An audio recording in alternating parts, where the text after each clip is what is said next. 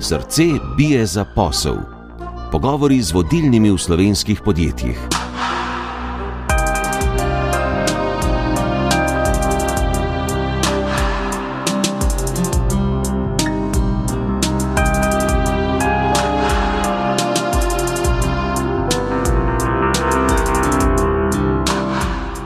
Z vami sva Urška Jereb in Maja Derčar. Gost 16. epizode je podjetnik Ivo Boskarol.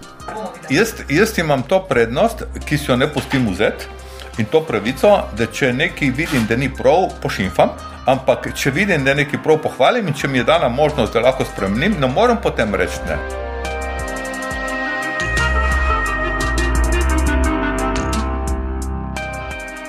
16. epizodo podcasta Srce bije za posel snemamo v ponedeljek 6. februarja v Ajdovščini na sedežu družbe Pipistrel.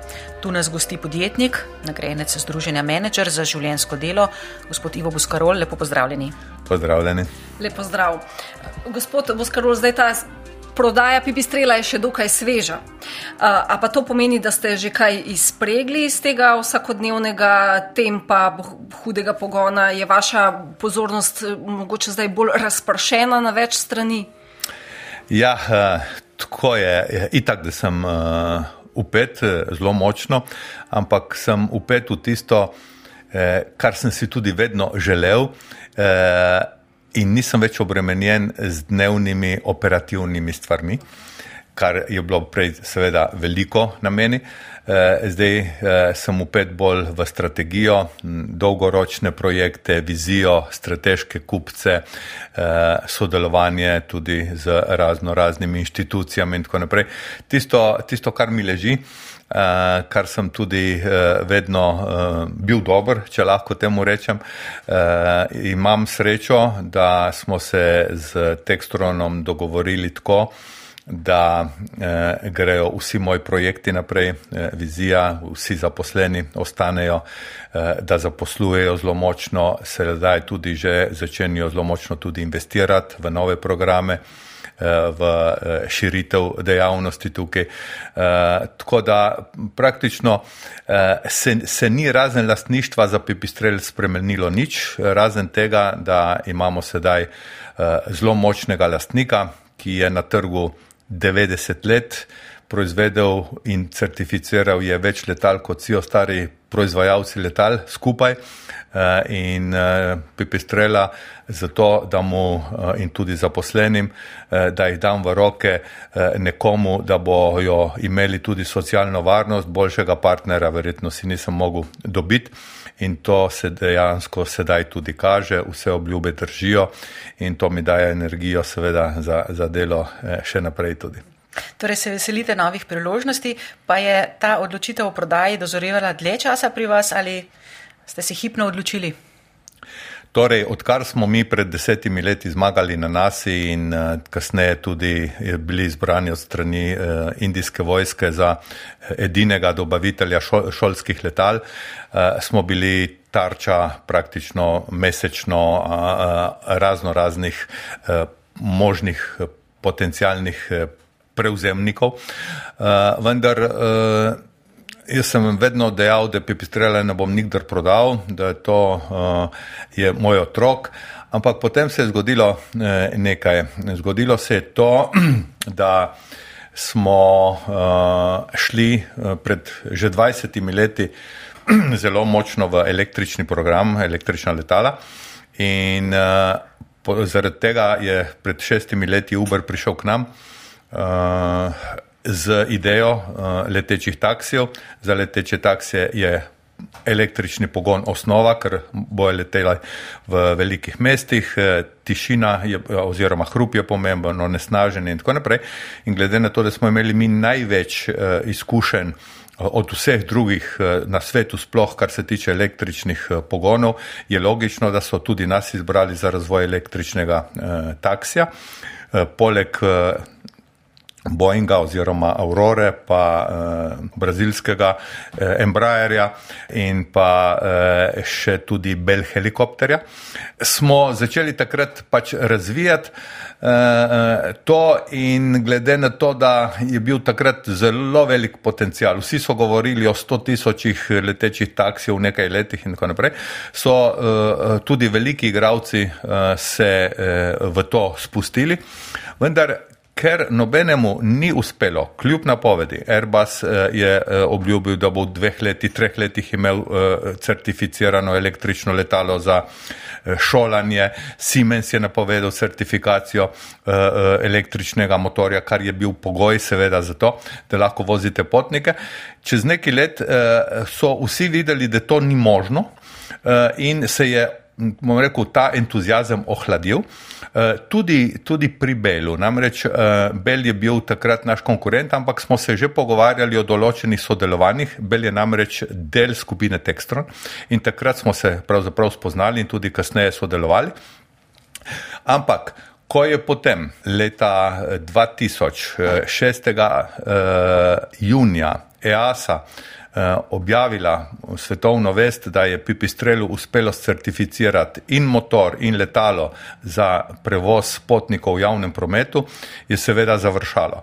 Če te velikim ni, kako da je Pipistrelu to uspelo. Mhm, električno, in ja. Takrat eh, seveda eh, so vsi igravci od proizvajalcev avtomobilov naprej, Hyundai, Ford, Mercedes, so začeli investirati v, elektri, v električne taksije milijarde, ne, mi pa niti desetine milijonov milijonov nismo imeli in sem vedel, da ne bomo zdržali tega pritiska in da bom, če hočem zagotoviti uh, bodočnost pipistrelu, da moram nekaj narediti in seveda najbolj logična varianta je bila, da smo se pogo začeli pogovarjati bolj resno z Belom oziroma uh, s Tekstronom in smo prišli do tega, da seveda tam, kjer smo danes, da pipistrel uh, se razvija, dela naprej, vendar lastnik je, je drugi. Ja. Zdaj, A ste vi s podjetjem Pipistrel, ko ste prodali pač 90-odstotni delež, a ne vi in uh, vaša hči, ali ste prodali zraven tudi vem, intelektualno lastnino? Kako je s temi patenti, a so na, na, na podjetje na, ali so na vas? Uh?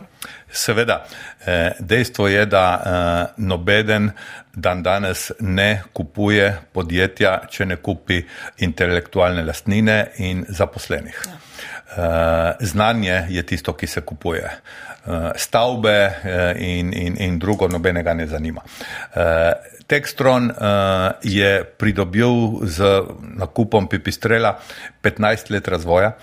Uh, ker bi drugače, seveda, od, praktično iz, iz nič uh, moral razvijati uh, električne pogone. Električni pogoni so bodočnost.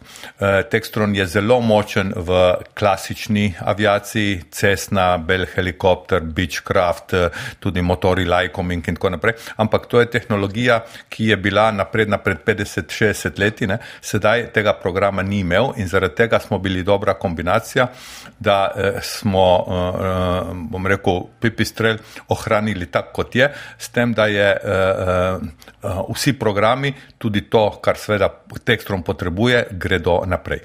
Uh, in uh, intelektualna lastnina je bila seveda uh, poleg mojih pogojev, kaj, kaj, kaj uh, bi jaz pričakoval od te transakcije. Intelektualna lesnina je bila z njihove strani seveda najbolj zanimiva ja. uh, in uh, so seveda, seveda oni sedaj uh, lastniki intelektualne lastnine. In tudi nova, bom rekel, intelektualna lastnina, ki sedaj nastaja. Morate vedeti, da Tekstron samo letos vlaga 15 milijonov evrov v, v, v razvoj in v novo intelektualno lastnino uh, brez pilotnih letal, zrasti teh za, za prevoz velikih tovorov.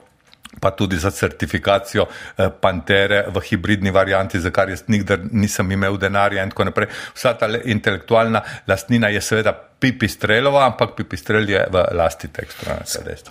Skratka, samo 15 milijonov letos, če prav razumemo, Tako. Eh, v nadaljni razvoj. Eh, že sama kupnina 218 milijonov evrov so. Za 90 odstotkov, ja. To, to, Tako se je pač govorilo v medijih. Ja, uh, to je en podatek, drugi podatek je pa EBITDA, ne, ki je znašala 2021 6,2 milijona. Zdi se, da na nek način veljajo to drugačni te parametri pri prodaji pri takih podjetjih, kot je vaše, a se motimo? Ja, če, če pogledate multiplikator EBITDA, boste videli, da ja. to ni 10, ne, ampak je 35. Je 35 ne, e, intelektualna lastnina oziroma tržni potencial je tisti, ki, ki določa ceno. Ne. S tem, da e, jaz same cene ne bom uh, komentiral, to je informacija, ki je pač prišla ven, uh, dejanske cene pa ne morem komentirati. Hmm. Ampak kdo je recimo zaslužen za to intelektualno lastnino? Seveda ste to vi, ampak ali vi tudi v, v sodelovanju s kolegi, s konstruktorji, na, na koga je v bistvu pisana ta intelektualna lastnina? Oziroma? Torej, pri patentih je vedno tako, da se ve, eh, kdo eh, je bil udeležen v patentu in kdo je lastnik. Torej, lastnik patentov je pipistrel, Aha. Eh, vendar se ve, kateri inženiri ali pa zaposleni, med njimi tudi jaz, smo bili pa udeleženi v patentu. Tako da to, to je znano tudi na drugih področjih, ne, ne samo v letalstvu. Eh, dejstvo je, da je v letalstvu zelo težko kakšne stvari certificirati, uh, mogoče bolj kot eh, druge ali pa tudi patentirati. Zakaj? Uh, zaradi tega, ker so sistemi toliko kompleksni. Eh, da je težko uh, ločiti, uh, kaj, kaj se sploh uh, patentira, da kaj ne, oziroma kaj je že bilo vključeno v kakšen drug podoben sistem in tako naprej. Tako da je v letalstvu uh, najboljša zaščita je prideti na trg, da se vede si prvi. Ja. Uh, in da, da te drugi lovijo. A veste, pri nas je bilo tako, da eh, pred leti ne, smo mi imeli take, bom rekel, velikane, kot je Tekstron, ne? ali pa cestna, smo gledali stav in smo rekli, Madonca, koliko so veliki. Ne? Zdaj se pa to obrnilo, ne? zdaj pa druga letalska industrija eh, hoče, bom rekel, slediti pipistrelu ali postaviti, eh, prideti na njegov nivo. In to je tista intelektualna lastnina, ki je eh, v lasti veliko inženirjev eh, v pipistrelu. Ne? In v tem trenutku imamo 135 inženirjev, pa ste od, od, od 300, ne? to je malo polovica eh, v razvoju, ki dela dela, ne? drugi so v proizvodni tudi, ampak V tej stavbi tukaj je 135 raziskovalcev, inženirjev, razvojnikov. Ja. ja, to je kar nevreten bazen najbolj pametnih ljudi. Uh, zdaj malo za šalo, malo za res. Tu v Ajdoščini je tudi Baja Separation z, z gospodom Alešem Štrancarjem. Pri njem smo že bili, bil je naj prvi gost, ampak tako, res malo za šalo, malo za res. Če se vidva med sabo primerjata, kateremu, je, kateremu prej uspe regulativno uh, nekaj urediti ali pa patentirati izdelek, kar tudi ne, kemijska medicina medicinska tehnologija ima eh, podobne težave oziroma časovne roke. Ja, je nekaj usporednih, uh, usporednic. Uh, Zalešem sicer uh, izhajava iz. Istega debla, tako da smo malo v sorodu, tako da ta, tisti, tisti, ki imamo sorodnike na planini, smo zelo inovativni. Drugač pa ja, lejte, čas razvoja je v obeh primerih in v farmaciji in v letalstvu zelo dolg. Eh, razvoj eh, je v obeh primerih zelo drag. Najdražji razvoj je vesoljska tehnologija, potem je letalstvo in potem je farmacija. Torej, to, to je, zelo blizu. So si vsi zelo blizu. Ne? Eh, kar je pa tudi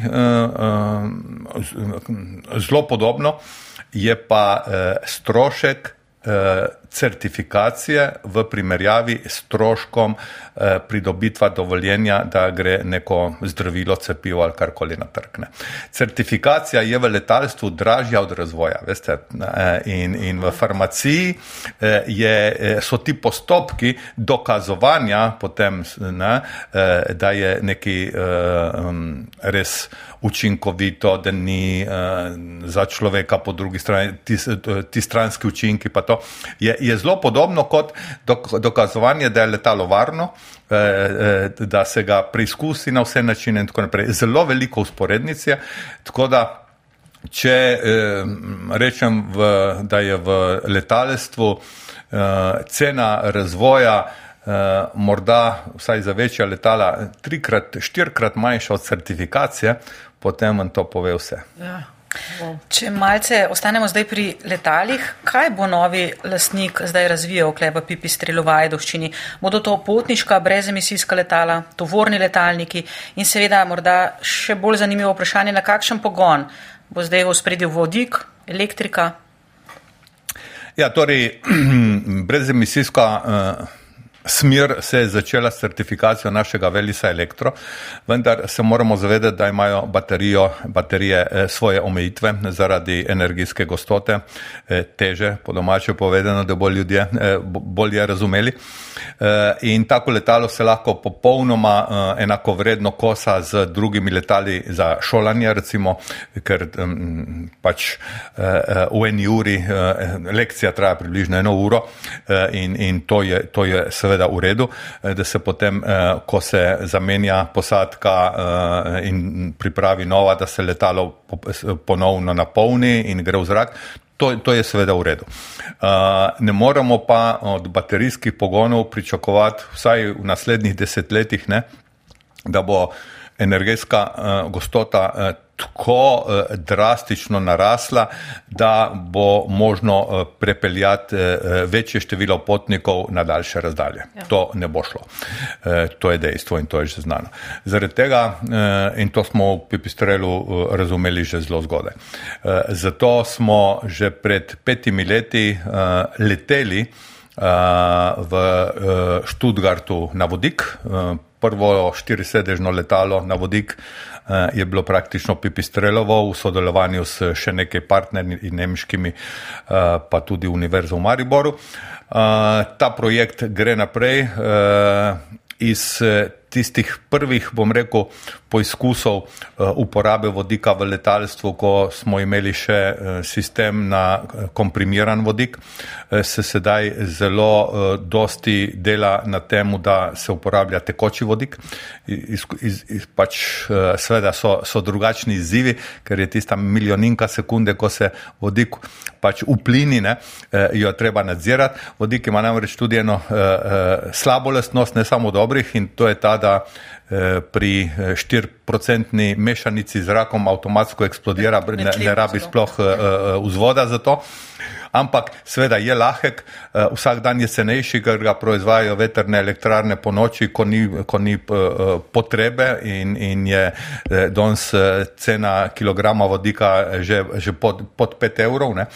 In, za prepeljati, bom rekel, štiri potnike čez, čez Atlantik, rabite mor, morda deset kil vodika, nič več. E, tako da je, je to e, dejansko poceni energija, kar je pa največja prednost vodika, e, je pa to, da e, če ga uporabljamo za proizvodnjo elektrike med letom e, v e, vodikovih gorivnih celicah, e, na način, da vodik peljemo s seboj in e, kisik vzamemo zraka, in proizvajamo elektriko, ki jo potrebujemo, je edini izpust čista voda. Ne? In, in to je, to je naj, najčistejši in najtišji uh, uh, pogon.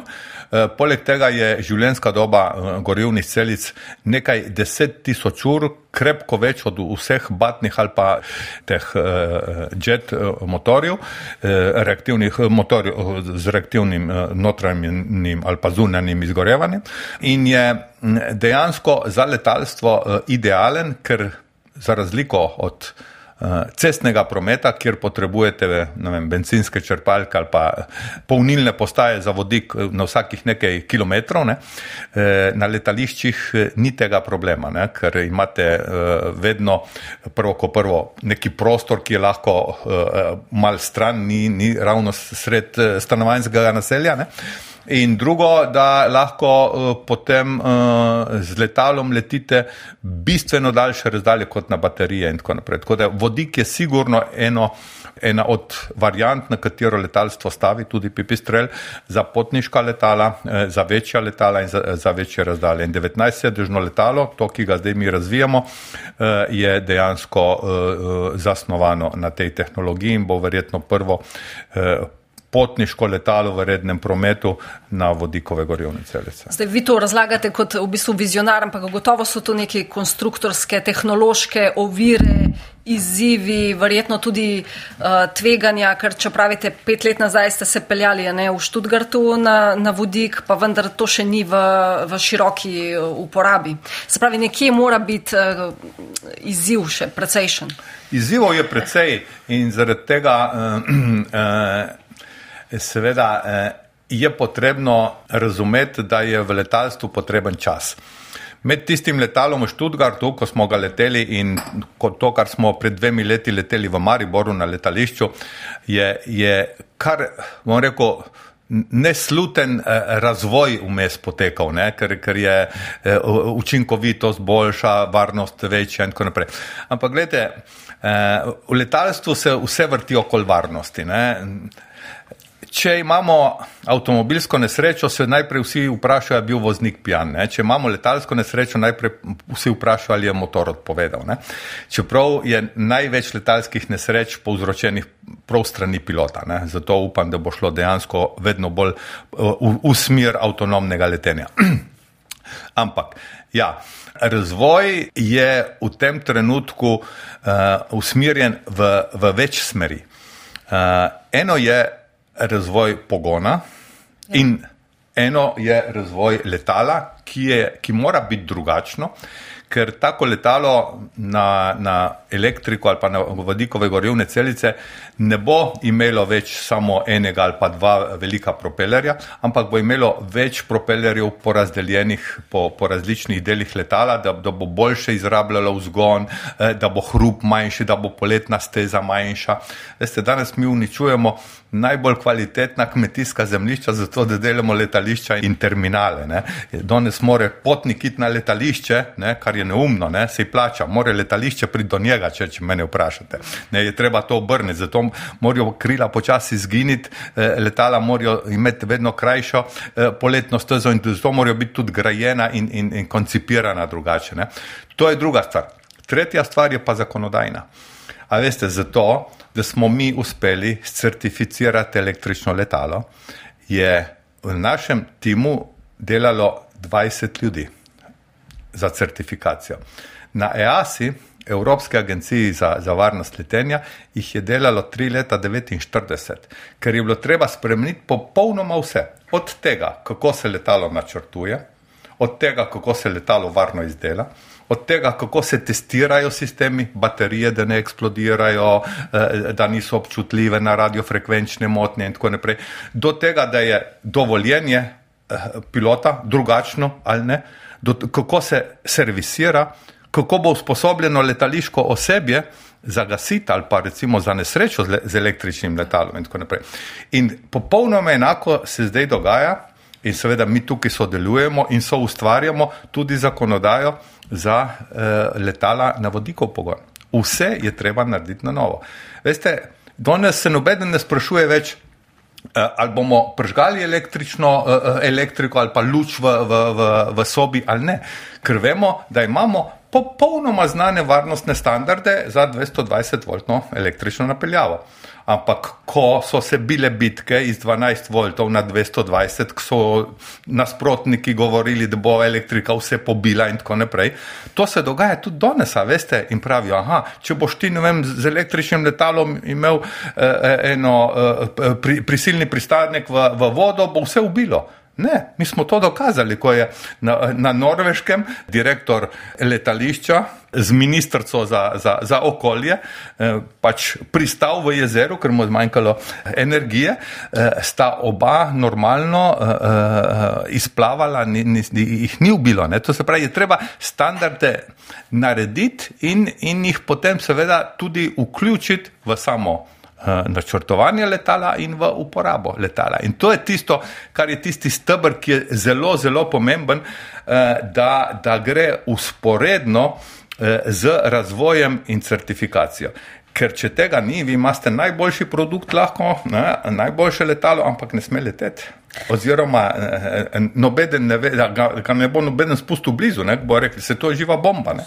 Če malce ostanemo še pri teh letalih na vodikov pogon. Kdaj, mogoče malce tako provokativno vprašanje, kdaj bi lahko recimo uh, leteli iz Ljubljane v Brusel uh, z potniškim letalom na vodikov pogon? Lejte, tako kot je zdaj časovnica zastavljena, naj bi prvo letalo uh, poletelo tam nekje okrog 2028. Uh, potem seveda sledijo leta testiranja in pa certifikacije, ampak glede na to, da ne samo mm, skandinavske države, ki so že uh, uzakonile oziroma predpisale, da z letom uh, 2035 ne bodo več dovoljevale regionalnega letenja, če letalo ni brezemisijsko ali pa vsaj klimatsko neutralno, kot, kot se temu reče. Ne?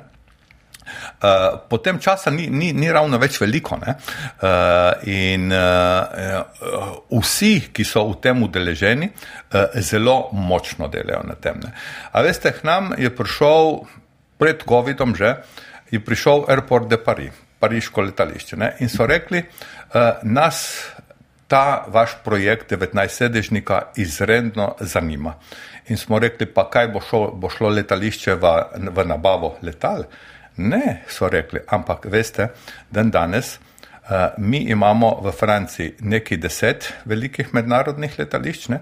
in več kot 2000 majhnih letališč, ki imajo zelo močno zaledje, iz katerih sedaj ljudje potujejo z avtom do velikih letališč. Če bi imeli mi dvakrat, trikrat, štirikrat na dan šatle po deset ali pa po dvajset potnikov, ne, ja. da pridejo iz malega letališča, kjer naredijo v celoten proces preverjanja uh, potnika, blaga in tako naprej, bi lahko prišli direktno v mednarodni terminal, ne bi bilo potrebno še enkrat ali pa širiti terminala in tako naprej in grejo direktno potem lahko čez lužo in tako naprej. Ne. Torej, zato mi imenujemo to, tega našega 19-sedežnega uh, enkrat microfeeder, ne, to se pravi, da polni letališča, ne, ali pa miniliner, ne, ker recimo, če hočete vi danes leteti, vem, iz enega novega mesta.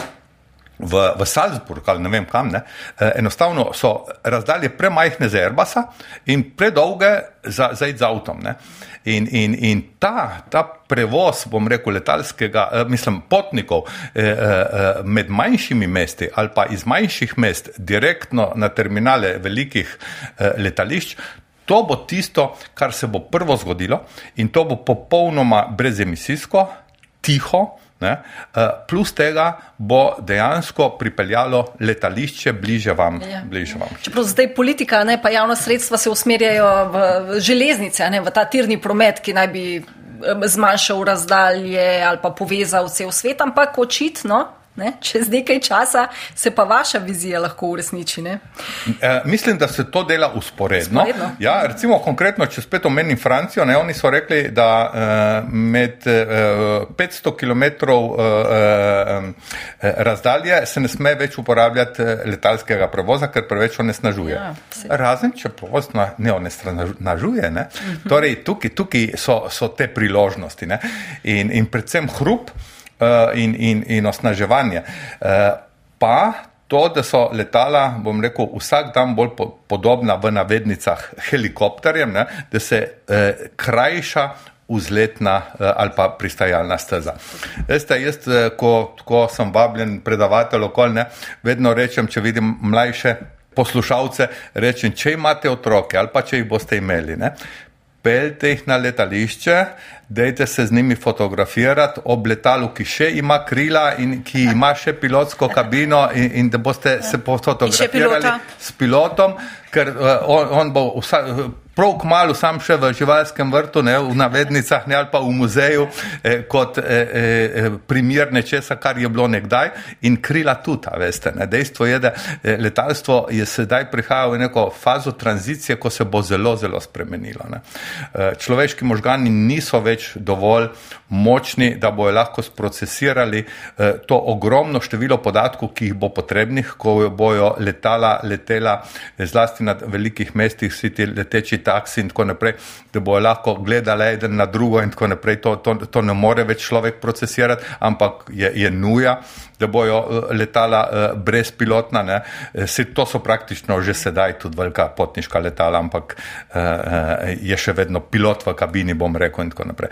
In da bojo vedno bolj, bom rekel, uh, avtonomna, kar se tiče samega prostora, ne, da bojo lahko prišla res na majhna letališča ne, ali pa jutri tudi v, v center mesta ali pa na nebotičnik, zaradi tega, da bojo skrajšala tisti čas od točke A do B, ki ga vsi potrebujemo čim krajšega, ker rajše svoj čas damo za kaj drugega, kot pa čakati v, v dolgi koloni v vročem avtu poleti ali pa v mrtvem pozimi. Gospod Boskarol, vi ste sicer dobro prodali svoj delež v Pipistrelu, ampak ohranjate tudi upravljavsko pozicijo na Kitajskem, kjer imate tudi tovarno. Zdaj, uh, enkrat ste se izrazili, da je tam tudi velika zgodba. Uh, vsaj pred COVID-om vem, da ste bili tam vsak mesec, vsaj po en teden. Tako, ja. Kaj točno je ta kitajska zgodba? Pa tudi bi me zanimalo, glede na to, da vsaj v zahodni narativi, v zahodni zgodbi zdaj, imamo zdaj nekako tri bloke ali pa dva velika geostrateška bloka, ne ZDA, Kitajska, pa Evropa nekje vmes. Pa vidimo, kaj se dogaja z tako rekoč izumiranjem multilateralne globalne proste trgovine, bloki se zapirajo med sabo. Ali se to dogaja tudi v letalstvu, eh, da ne vem, bo nekje ali bodi si Kitajska, Evropa, ZDA, da bo bolj vodilen blok v razvoju vodika, letalstva, znanja, ki nastaja na tem področju. Se pravi, vaša zgodba pa ta globalen pogled. Ja, Kitajska je seveda uh, največji potencial za letalstvo. Jaz bi celo rekel, da je večji potencial kot vse ostali svet skupaj, ker uh, je uh, država, ki ima uh, največ bogatih posameznikov na enoto, um, več kot Evropa ali pa kot ZDA. Uh, in uh, je tudi zelo velika država. Uh, kar je pa najbolj pomembno, je to, da do sedaj tam uh, takega, bom rekel, tega malega in srednjega letalstva, uh, kot ga poznamo že sto let v ZDA oziroma Ameriki in Evropi, ni. To se pravi, je, je popolnoma nov trg. In seveda uh, povpraševanje po novih športih, povpraševanje po hitrejšem potovanju, eh, povpraševanje po adrenalinu in tako naprej je tam enako veliko kot je drugje. Vendar eh, eh, se je regulativa začela, uporabe letalstva se je začela sproščati šele pred nekaj leti. In ko sem jaz to zaznal, sem rekel, mi moramo biti tam, mi moramo uh, imeti tam proizvodnjo, ker drugače uh, številke za, za, za Kitajsko bojo tako velike, da enostavno tudi fizično ne bo to možno proizvesti v Evropi in tja izvažati, ampak je treba proizvajati lokalno. No, in tam sem dobil partnerja, dobili smo tudi partnersko občino, uh, ki je uh, pač bila pripravljena v to zgodbo in tako naprej in smo to vse skupaj začeli delati. Ustanovili smo krovno podjetje, kjer sem jaz 51% lastnik, 49% je kitajski partner, no potem to krovno podjetje ima še štiri hčerinska podjetja, kjer sva so lastnika ali z občino ali še s kom drugim in tako naprej. Eno je za izgradnjo letališča, eno za izgradnjo tovarne, eno za upravljanje letališča, eno za šolanje. Eh, in je to dejansko tam, eh, rekel, en, en cel, eh, cel sistem tega, kaj, kaj naj bi mi to počeli. To je v Džurongu, zraven Nanjinga, južne, južne prestolnice. Vendar potem se je začel ta, ta nesrečni COVID. In uh, mi smo uh, en del tovarne spravili pod streho, vendar ne, ni še operativna. Uh, drugo, seveda, se je popolnoma ustavilo. Pravilno ste rekli, ja, dve leti in pol sem bil vsak mesec na kitajskem, vsaj en teden. Tako da je, to, je to velika zgodba. Zdaj počasi se začenja, seveda, Kitajska odpirati pri nas uh, so, uh, bom rekel, v, v tekstronu oziroma v pipistrelu je še vedno zelo velika motivacija, uh, da bi se ta naša letala tam sestavljala, tudi vidijo, kakšno popraševanje prihaja in tako naprej. Tako da sama zgodba uh, na kitajskem bo šla naprej, vendar seveda bistveno počasneje, ker vsi procesi, vse se je ustavilo, tudi, bom rekel, ta ta trend naraščanja uh, uh, uh, uporabe letalstva, tudi šol in tako naprej, eh, je, bom rekel, enako kot je bil pet ali pa šest let nazaj, neč se, se nekaj prav velikega zgodilo. Ampak eh, to je dejstvo, lejte, prej ali slej se bo ta, ta stvar eh, dogodila in takrat moramo biti mi pripravljeni in biti tudi tam vodilni, ker se veste, moj moto, ne? prvi je lahko samo eden, drugi ja, so lahko vsi. vsi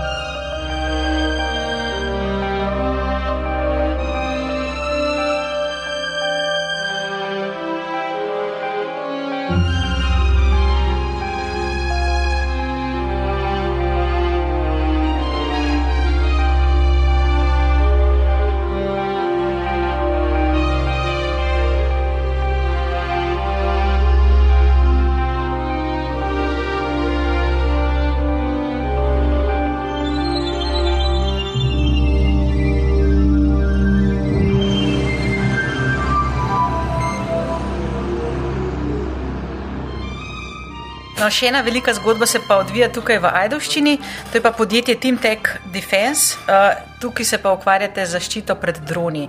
Uh, v zvezi s tem bi naj morda zanimalo, komu so namenjene te, te izdelki, te storitve konkretno, ta zaščita pred droni. Ja, mogoče najprej še to, da je morda malo manj znano, vendar eh, Pipistrel je že dolga leta eh, Eh, zelo znan v uh, obramni industriji za nadzor iz zraka. Ja. Uh, Pipistrel je dobavitelj praktično največjim obramnim sistemom na svetu, od Pentagona do Kitajske, do Indije in tako naprej. Naša letala predelana za nadzor iz zraka. Letijo v veliko državah, imajo uh, zaradi svojih aerodinamičnih in, in konstrukcijskih sposobnosti bistvene prednosti pred drugimi. Če pogledamo samo primer z enim klasičnim vem, dvosedežnim letalom, ki ima težave, da, da, da leti do višine 5000 metrov ne, ali pa da preleti razdaljo 1000-1500 km. Uh, naša letala uh, poletajo uh, v Tibetu na 5000 metrov in nadzirajo kitajsko mejo na 11000 metrov. Recimo, uh, s 300 litri preletijo iz Čila na velikonočne otoke, kar je 4500 km čez ocean, brez možnosti pristanka. Zdaj, pravičen, kdo je lasnik teh vaših letal na tibetanski strani ali Kitajci? Kitajci. Kitajci, seveda. Ja. Uh, Torej, to, Tibet je Kitajska, to moramo vedeti. Ja, seveda. Ampak eh, te, te naše sposobnosti so tiste, ki so, bom rekel, odprle eh, pipistrelu eh, vrata tudi v, v to obramno industrijo. Etika pipistrela sicer je, da se ne ukvarja z uh, izdelavo orožja, tako da vse, kar dela pipistrel, je samo v nadzorne namene. Tudi sedaj delamo letalo, ki bo praktično lahko doseglo vsako točko na Zemlji, bo imelo več kot 20 tisoč km dosega. To je za nadzor. Ker je pa seveda ta del zelo povezan tudi z uh, obramno industrijo, bom rekel, ki ima tudi druga, druge potrebe. Sem pred uh, par leti uh, vstopil v Timte kot večinski lastnik in uh, ustanovil podjetje, ki se tudi obramno, ki se ukvarja tudi z obramno industrijo, to je Tintec Defense. Oni so sicer zdaj v Vipavi, prihajajo ponovno v Ajdovščino, ampak glede na to, da smo imeli mi in še imamo v Pipistrelu izredno veliko znanje, kako droni funkcionirajo in se zavedamo, da so lahko droni tudi zelo, zelo velika grožnja, eh, ne samo, bom rekel, v konfliktih, v vojnah in tako naprej, ampak tudi v vsakdanjem uh, življenju. Ker veste, dan danes tudi male drone, ne, ne take velike kot so naši, recimo Nuva, ne, ki tudi dron pelje lahko 300 kg, par sto km daleč, ampak že tisti mali droni, veste, so sposobni nesti eno ročno bombo. Ne, in, in, in, in če imate vi ne vem, neki stadion, neko tekmo ali karkoli s takim dronom, lahko naredite masakr. Ne, in tisti, ki mislijo narediti masakr, ne, ne bo šel sam z enim dronom, ampak bo šel z dvestotimi naenkrat. In zaradi tega se zavedamo, koliko eh, eh, velika grožnja eh, so lahko droni. In eh, Timtek je že sedaj partner z podjetjem Teledyne, ki je zelo močno tudi v sistemih za obrambo eh, proti, proti droni. Eh, in to na malo drugačen način, oziroma na zelo, zelo inovativen način, in to sedaj seveda Timtek nadgrajuje. Uh, ne da ne vem, drone lovimo z mrežo, tako kot dela nekdo, ali pa ne vem, uh, jim motimo frekvenco, uh, ali pa ne vem, jih uničujemo z laserjem, ker tam se treba fokusirati na vsak laser posebej in tako naprej. Ampak na način, da z posebno uh, uh, elektromagnetno anteno uh, usmerite uh, zelo močen uh, snop elektromagnetnih žarkov proti dronu in mu enostavno uh, uh, uničite elektroniko in ali je to vozilo na cesti, ali je na morju, ali je v zraku, enostavno se ustavi in, in, in ali pa če je tam letalo, tam, tam pade dol, ko prije v ta, v ta vaš dežnik. In uh, to uh, sedaj seveda razvijamo um, že, razvoj je že zelo daleč, tako da mislim, da bomo na trgu uh, v letošnjem letu. Usporedno uh, pa Timtek razvija tudi dnevno-nočne kamere za nadzor zraka. To, kar bom rekel, potrebuje vojaška industrija. To, kar potrebuje vojaška industrija. In to imamo tudi zdaj z končno se je tudi to zgodilo, ne, da nismo mi znani, bom rekel, pri vseh uh, obrambnih industrijah sveta kot dobavitelj, ampak se je uh, zdaj v zadnjih letih tudi v Sloveniji to spremenilo, da je tudi naša vojska prepoznala te potencijale in imamo zdaj kar nekaj razvojnih projektov za, obrambno, uh, za, za ministrstvo za obrambo. En, eno je avtonomen dron teh velikosti, ki se lahko sicer pilotira tudi iz kabine, za prenašati sliko uh, iz širšega področja, lahko cele Slovenije, pač v, v neki komandni center. Če bi lansko leto imeli dron takih velikosti med požarom na krasu, da bi lahko letel nad helikopteri, ki so gašili, gasili ne, in, in dajo informacije, bi lahko bili gasilci bistveno bolj učinkoviti. So pa imeli samo te male drone, ki so leteli na višini helikopterja in pa lahko ali, ali, ali gasiš ali, ali, ali, ali, ali gledaš. Ne. Tako da uh, vse to se sedaj, bom rekel, uh, začenja dogajati dogajati tudi v Sloveniji, da uh, slovenska obrambna industrija dejansko sodeluje z Ministrstvom za obrambo in zdaj skozi dva projekta. Dejansko razvijamo in to dnevno nočno kamero, ki eh, bo eh, lahko montirala ali, ali na helikopterje, pilatuse ali pa tudi na čovne, eh, in pa en tak dron, eh, ki bo namenjen z.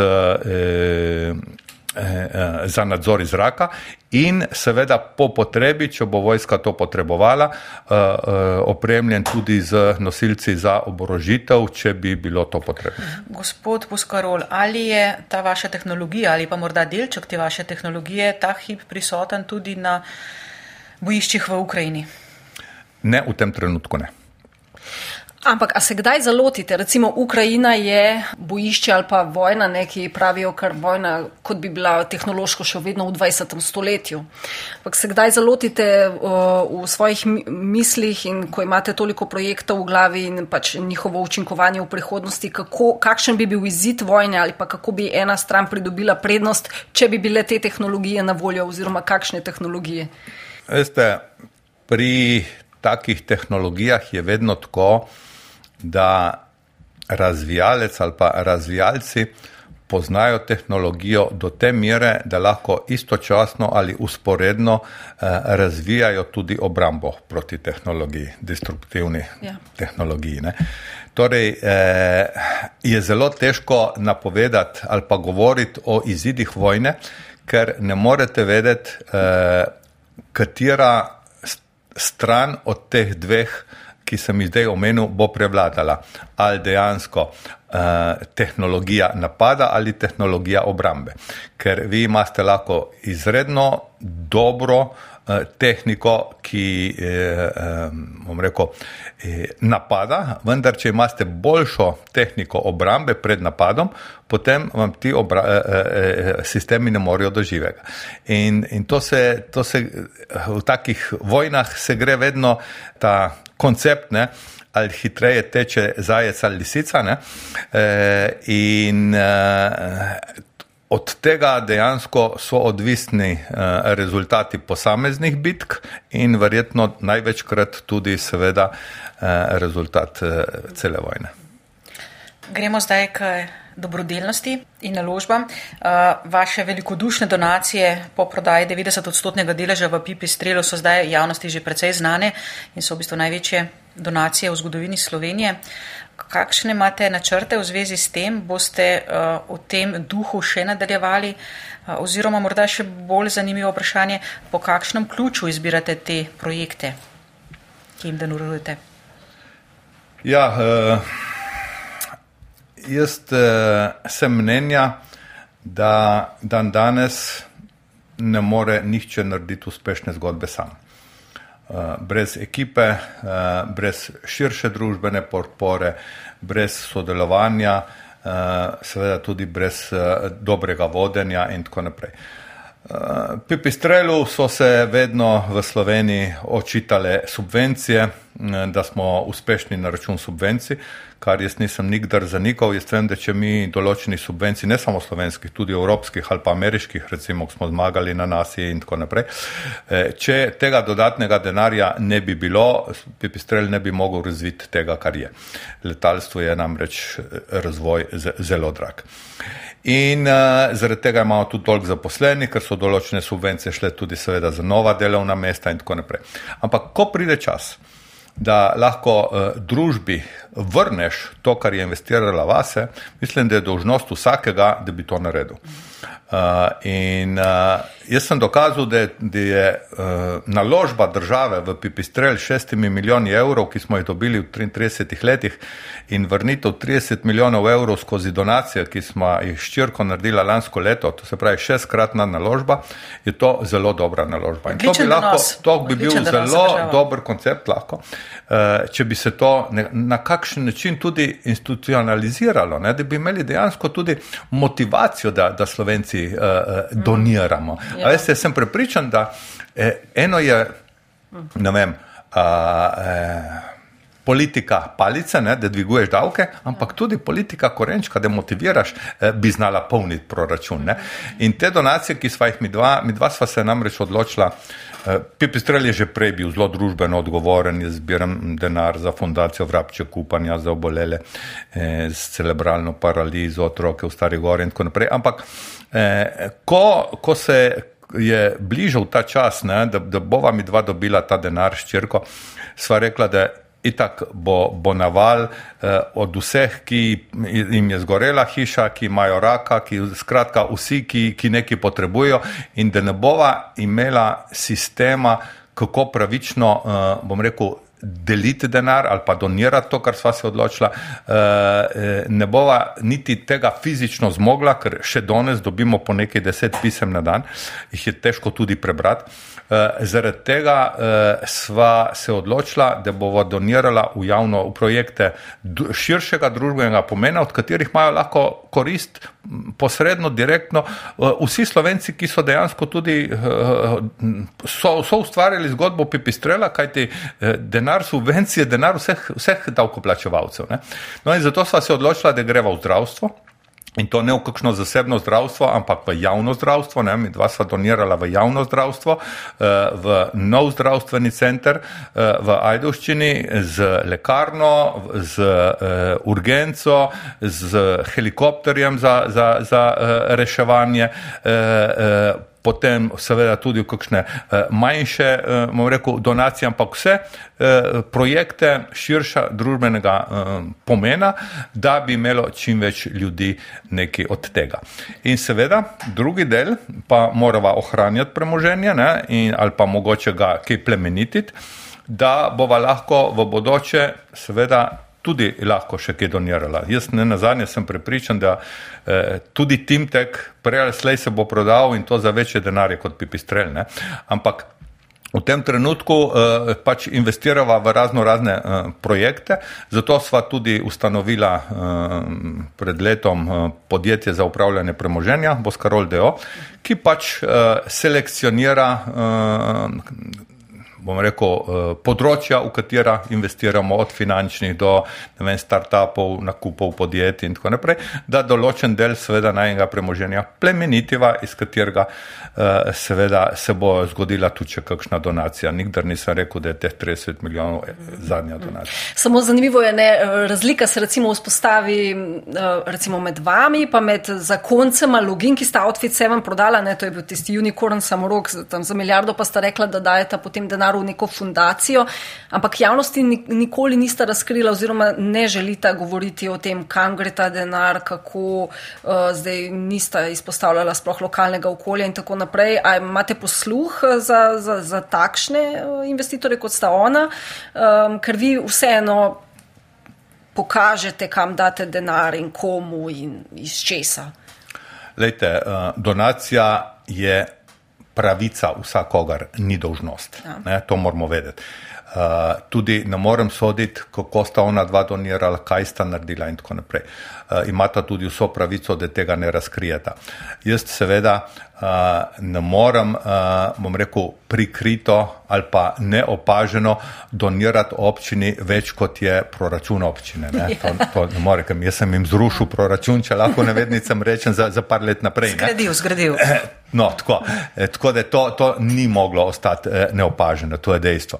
Eh, je pa res nekaj, ne, da jaz pravim tako, da družbeno odgovorni moramo biti vsi do svojih zmožnosti. A veste, nekomu lahko 10 evrov pomeni lahko večji, eh, večje odrekanje ali pa rekel, eh, eh, večjo žrtev, kot pa recimo meni en milijon. Vem, to, to, zato jaz rečem, velikost donacije se ne sme meriti v nulah, ne? pač pomembna tista enka od spredi.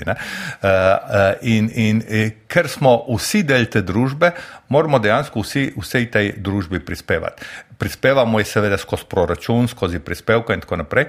Vendar, eh, nažalost, eh, nas v Sloveniji samo 250 tisoč zaposlenih ustvarja dejansko tisto dodano vrednost v podjetjih, ki ustvarjajo dobiček. Ne? Uh, in to, to je, veste, zelo, to, to, to je uh, uh, ena osmina zaposlenih. Uh, in uh, če, če bom rekel, eh, ni denarja za vse, potem bi morali nekako motivirati tudi zakonsko, pravim jaz, da bi se dogajale take.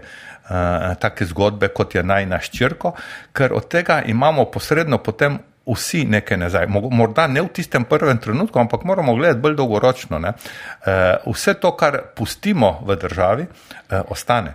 Jaz poznam kar nekaj svojih kolegov, ki so prodali svoja podjetja, vendar so rekli, da dokler bo v Sloveniji tako visoka obdavčitev, Jaz se raje preselim v Dubaj, se preselim nekam, ker pač pogoj je, da si več kot šest mesecev zunaj eh, in, in postane davčni eh, rezident in, in slovenskega davka v prodaji podjetja ne plačaš. Ne? A, a ne bi bilo boljše, da dobimo en mehanizem, ne, da ti ljudje ne bi šli ven in da ne bi država vsega tega zgubila, tudi če bi mal manj dobila, ampak bi tisto ostalo v državi. Ja, zdaj se kar nekaj, glede na to, ne, da, in drugih ekonomskih ukrepov na, na glede na to, ne, da zdaj vlada ravno kar pripravlja davčno, novo davčno reformo, je morda to en tak poriv, en tak predlog, seveda pozitiven, no, spodbuden, sodišču, da, da se da zadeve uredijo. Ne? V tej, v tej luči, v tej smeri. Uh, se presuje eno. Jaz sem zadnjič malo v šali malo zares rekel, da najbolj idealen predsednik levice bi bil jaz. Ja, ja. Vse, vse, kar imajo oni v programu ne, in vse, kar, govorimo, kar govorijo, uh, sem jaz v svojim delom vedno ustvarjal delil dobiček zaposlenimi, eh, eh, lastništvo podjetja, noben ga nikdar nisem imel na minimalni eh, plači, ne delamo na dur, imamo okolje, ki, ki je zaposleni prijavljeno. Vse, vse to, in, ampak to ne, seveda dela nekdo, ki, ki tako čuti. Če bi mi imeli motivacijo, da recimo bi se podjetniki čutili motivirane, da če delijo deleže v podjetju zaposlenim ali vsem ali ključem in tako naprej. Na, ne, da tako kot je zdaj v tej zakonodaji, da če prodaš delež podjetja, plača, plačajo obe strani še davek, ne, ampak da bi bilo to neobdavčeno in da bi bila motivacija, da bi se eh, več zaposlenih vključilo eh, v lastništvo podjetja. Da če bi delili dobiček, da bi res eh, imeli en, en tak mehanizem, ki bi bil motivacija za obe strani in tako naprej, bi se tega ta socialna nota v podjetništvu eh, bi šla na čist drugi nivo, ki jo vsi pričakujemo, ne? Eh, eh, oziroma o kateri govori levica ne? ali pa tudi vlada zelo, zelo na veliko. In zdaj, ko se dela res davčna reforma, če se res dela, je krasen čas, da se tudi v, v sozvočju z drugimi reformami spremeni zakonodajo, da bi tukaj na tem področju uh, uh, naredili tiste Eh, spremembe, ki so potrebne, da bi bili lahko še vedno uspešni na dolgi rok, tako kot sem jaz dokazal, da se da, spoštovanjem tradicionalnih vrednot, ne na račun zaposlenih, ne na račun okolja, eh, ampak eh, narediti zgodbe, na katere smo lahko vsi ponosni. In zaposleni, in delodajalci oziroma lastniki.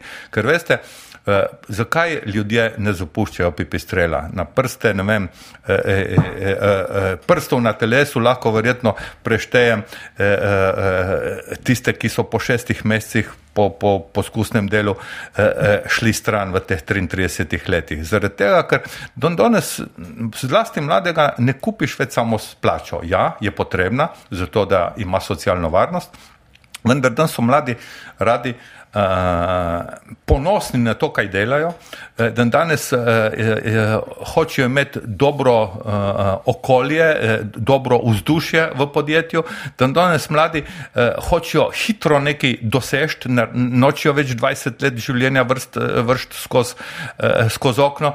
Uh, in, in danes uh, uh, mladi uh, seveda uh, tudi vidijo, ali ti izčrpavaš podjetje ali ne. Zakaj nismo mi nikdar ključavnice imeli uh, nobene v podjetju?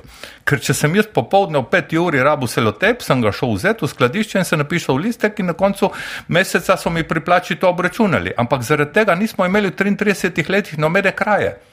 Ampak tu v 33 letih plača ni kasnila noben mesec, niti za en dan. In potem, a veste, začnete ustvariti eno tako zaupanje in to so tiste tradicionalne vrednote, za katerih jaz pravim, da bi morali graditi mi tudi zakonodajo, potem bi bilo bistveno lažje, ne samo palico. Vi ste glasnik teh vrednot, ne podjetniških vrednot. Ja, ampak, ampak zaradi tega ča... sem najbolj sovražen. Ne? Mene, ne, jaz sem, jaz sem ste... oligarh, ki me treba z vilami eh, nagnati v morje. Ja, ste nekoliko provokativni. Ne? Recimo, malo prej ste rekli, da 250 tisoč slovencev slovencev zaposlenih v podjetjih, ki ustvarjajo dobiček. To ni provokacija, to je dejstvo. Rekli ste, da je to Rekli ste, da so oni pač produktivni, kot da ostali del družbe, recimo ta, ki ste mu vi donirali, ne, v zdravstvenem domu, zdravniki pa niso produktivni. Je produktiven, naš... ampak je plačan iz dodane vrednosti, ki jo ustvari teh 250 tisoč. Veste, to sem hotel povedati. No, samo to. Delajo vsi, ne, ja. delamo vsi, ampak denar proračun dejansko, ne, eh, jaz vem, da tudi en zdravnik eh, plača prispevke od svoje plače, ampak celotno plačo dobi pa on plačeno iz gospodarstva. Veste, to je tisto, kar, kar, kar danes težko. Prav, gre za ta izvozni sektor, ne, ki je pri nas. Tisti, ki ustvarja dodano vrednost. No, mi to kar dobro razumemo, morda kakšni, ki so eh, na mestu odločevalcev, morda malce slabše.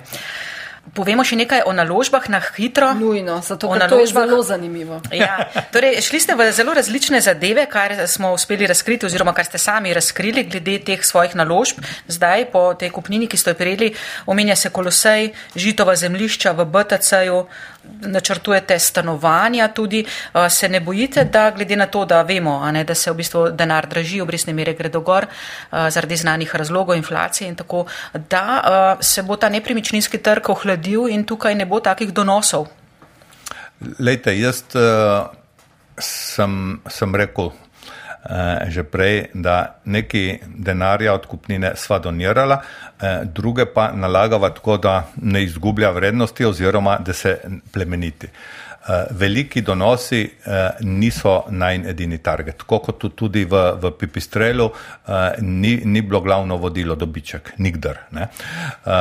In če sem šel v te nepremičnine, katere ste jih omenili, ja, Uh, jaz sem tudi večkrat rekel, da bom poskusil kakšno uh, podjetje, ki je izgubilo slovensko lastništvo, morda pripeljati nazaj, ko se je pojavila priložnost, da od podravke uh, odkupim uh, deležita v, na Moskovski, v BTC-ju. Uh, sem se potrudil, da sem to kupil. To je bil eden od glavnih motivov, da sem ta del Ljubljana naredil spet ljubljanski.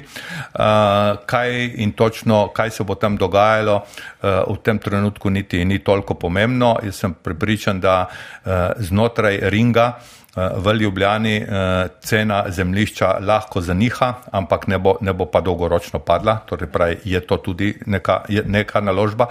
Eh, Kolosej sem na dražbi kupil zaradi tega, ker mi je žal, da tak biser, slovenski, ne samo, ne samo ljubljanski, bodimo si odkriti, v, v Ljubljani ne živi tako polnega življenja, kot bi ga lahko in upam, da bomo uh, sedaj, ko bomo tudi ga uradno prevzeli, ga nismo še, ker so, uh, ima stečajni določene izzive z določenimi upniki, kar uh, ne bi zdaj komentiral, ampak potem bomo uh, se potrudili, da bomo dali uh, Ljubljani in Sloveniji take, take uh, vsebine, ki bojo uh, zanimive in uh, dali Ljubljani eno, eno, eno določeno uh, novo.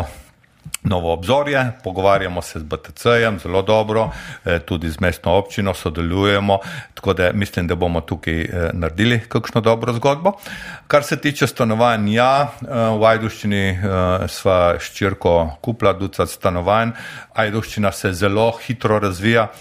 Mislim, da je najbolj, najhitreje razvijajoče se mesto in zdaj v tem trenutku se pripravlja grad na 400 stanovanj, ker ne samo zaradi pipistrela in bija separation, ampak tudi drugih zelo propulzivnih podjetij, tudi Timtek ne na zadnje, je potreba po stanovanjih izredno velika, ampak to še ni vse, ker ja, za mlade kadre, ki prihajajo iz vsega sveta, potrebujemo stan, stanovanja, ampak za tiste, bom rekel, pa mal bolj seniorje in, in tisti boljši kader, ki pa prihaja sem z družinami, že z otroci, uh, je pa seveda stanovanje premalo.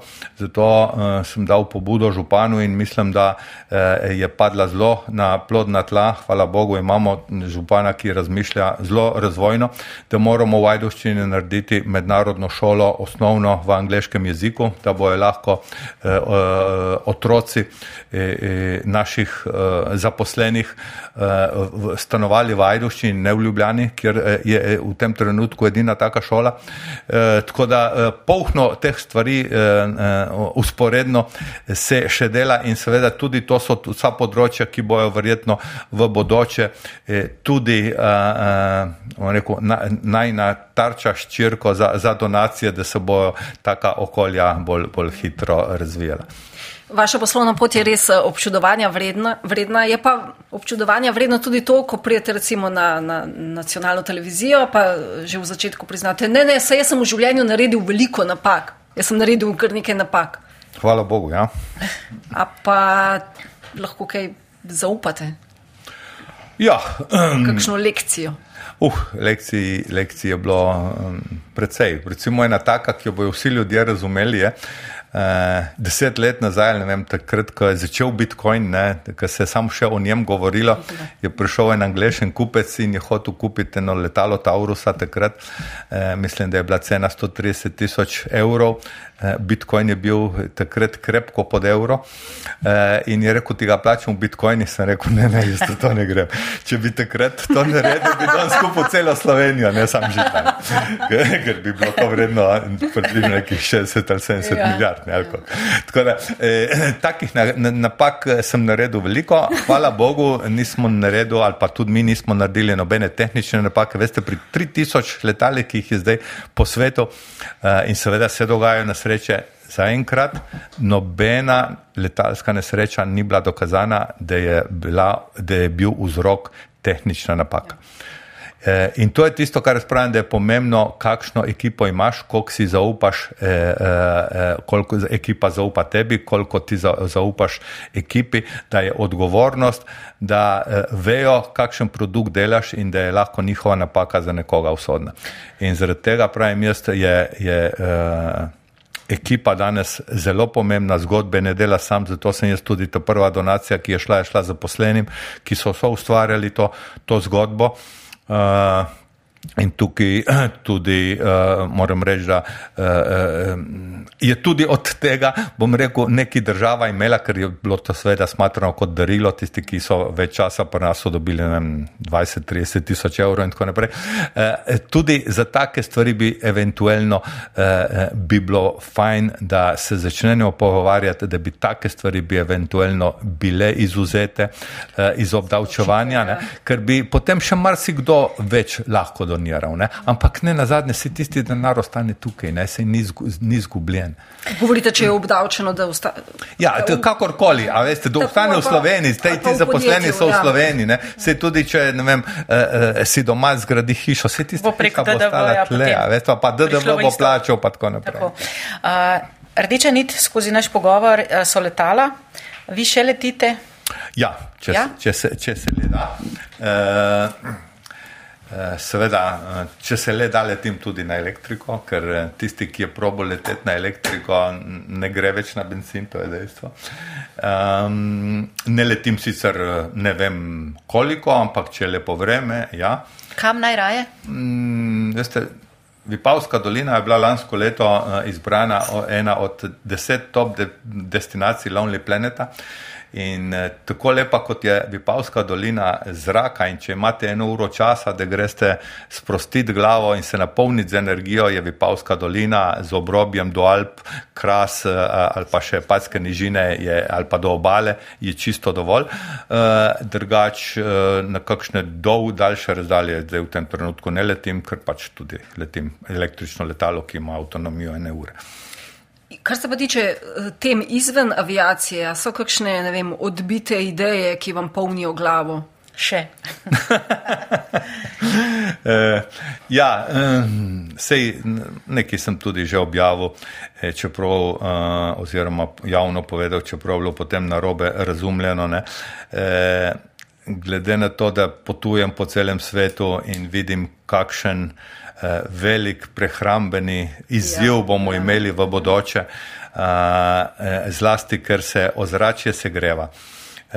In če se segreva, sprejema vedno več vlage in vedno več vlage je v zraku, večji so oziroma intenzivnejši so meteorološki pogoji, pomeni, da bomo v bodoče imeli vedno več intenzivnih padavin, ki bojo padle v izredno kratkem času, zato bo prišlo do poplav, ki bojo uničevale površi, kmetijske površine in do daljših sušnih obdobij, ki bo spet preprečevale in kmetijstvo in, in živinorejo in tako naprej. In zaradi tega se mi zdi dejansko ena od rešitev proizvodnja naravnega mesa, iz izvornih celic. Čeprav uh, so mediji to doskrat napačno uh, povzeli in se sedaj ljudje zgražajo, da bomo proizvali umetno meso. Ne, to je naravno meso, ker je proizvedeno iz naravnih živalskih celic. Uh, ima to prednost, da uh, se lahko proizvaja kjerkoli, tudi če niso kmetijski pogoji za proizvodnjo krme in tako naprej dobri, eh, lahko bi se proizvajalo praktično v vsakem hlevu, kjer so sedaj krave. Eh, te krave eh, oziroma govedo so eh, proizvajalci metana, ki je najbolj škodljiv toplogredni plin in, in, in eh, eh, pospešuje eh, eh procese eh, to, eh, eh, segrevanja ozračja. Eh, Eh, ne uničujemo oziroma ne ubijamo eh, živali, ne gojimo živali zato, da bi jih ubili zaradi hrane. Eh, bistveno bolj human način pridelave mesa je.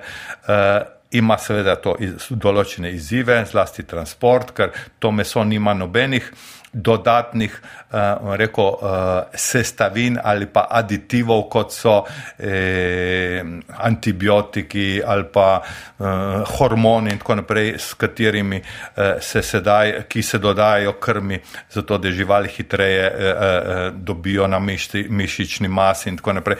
Ve, veliko prednosti to ima in seveda to so, to so taki izzivi, ki niso povezani z letalstvom, uh, ampak uh, so uh, dovolj veliki, da pritegnejo to, tole mojo. Uh, Malo po vzoru Billa Gatesa, ne? Malo po vzoru Billa Gatesa. Ne samo Bill Gates, ja, pol, polno tega ja, je ja, že ja, na ja, svetu in tako naprej. Uh, to, ja. ja, seveda, danes ljudje ne ločijo med pridelavo substituta za meso iz raznih soj in, in, in uh, rastlinskih virov. Ne? Rastlinskih virov, pa ne vem, aditivov, okusa tega in tako naprej, kar, kar je v bistveno, bistveno slabše kot, kot uh, naravno meso. Ne? Uh, ampak dejansko naravno meso proizvedeno na human način in brez uničevanja okolja. Približno ena ura našega pogovora se počasi bliža k koncu. Pred koncem pa še tri standardna vprašanja, ki jih zastaviva vsem najnim gostom. Začneva z stavkom, z polovico stavka, vi ga pa potem dokončate na kratko.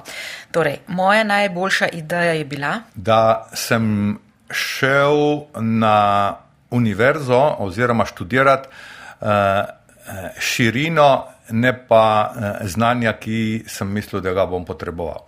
Dan danes namreč bolj kot kdaj potrebujemo znanje, kako do znanja prideti in ga nadgraditi, ne pa direktnega znanja. Celotno svetovno znanje je na dosegu leve tipke na miški, z Wikipedijo in tako naprej, ampak če tega znanja ne znate uporabiti, najdete in uporabiti, potem niste naredili nič. Meni je ekonomska fakulteta dala to širino, eh, da eh, sem znal eh, poleg tega, da sem produkt razvil in imel produkt, lahko zaključil krok, da sem najdel trg za njega, da sem ga prodal, da sem ga proizvajal eh, z vidko proizvodnjo, da sem imel do, do, dovolj dodane vrednosti, da sem ga prodajal na svoj način, brez marketinga in tako naprej, da, da, da, da eh, sem lahko eh, naredil drugačno zgodbo, da sem razumel, kaj pomeni imeti svojo blagovno znamko, ker eh, blagovna znamka je tista, ki, ki da dodano vrednost eh, in da sem lahko naredil na koncu uspešno zgodbo.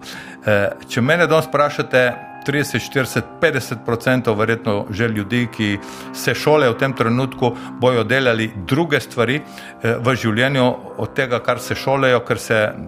Ta proces tako hitro spreminja, da bojo potrebna drugačna znanja, in sploh ni potreb, pomembno, kaj študiraš, važno da dobiš širino. Druga poved. Največjo srečo v življenju sem imel eh, s svojo hčerko. Če bi lahko sodeloval s komarkoli na svetu, bi izbral To ekipo, ki sem jo v Pipistrelu ustvaril, s tem, da bi v ta pravih trenutkih eh, imel magično paličico in bi jo lahko podesetiral. Super, Gospod Boskarol, najlepša hvala, ker ste bili naj gost. Ja, iskrena hvala. Tudi vam.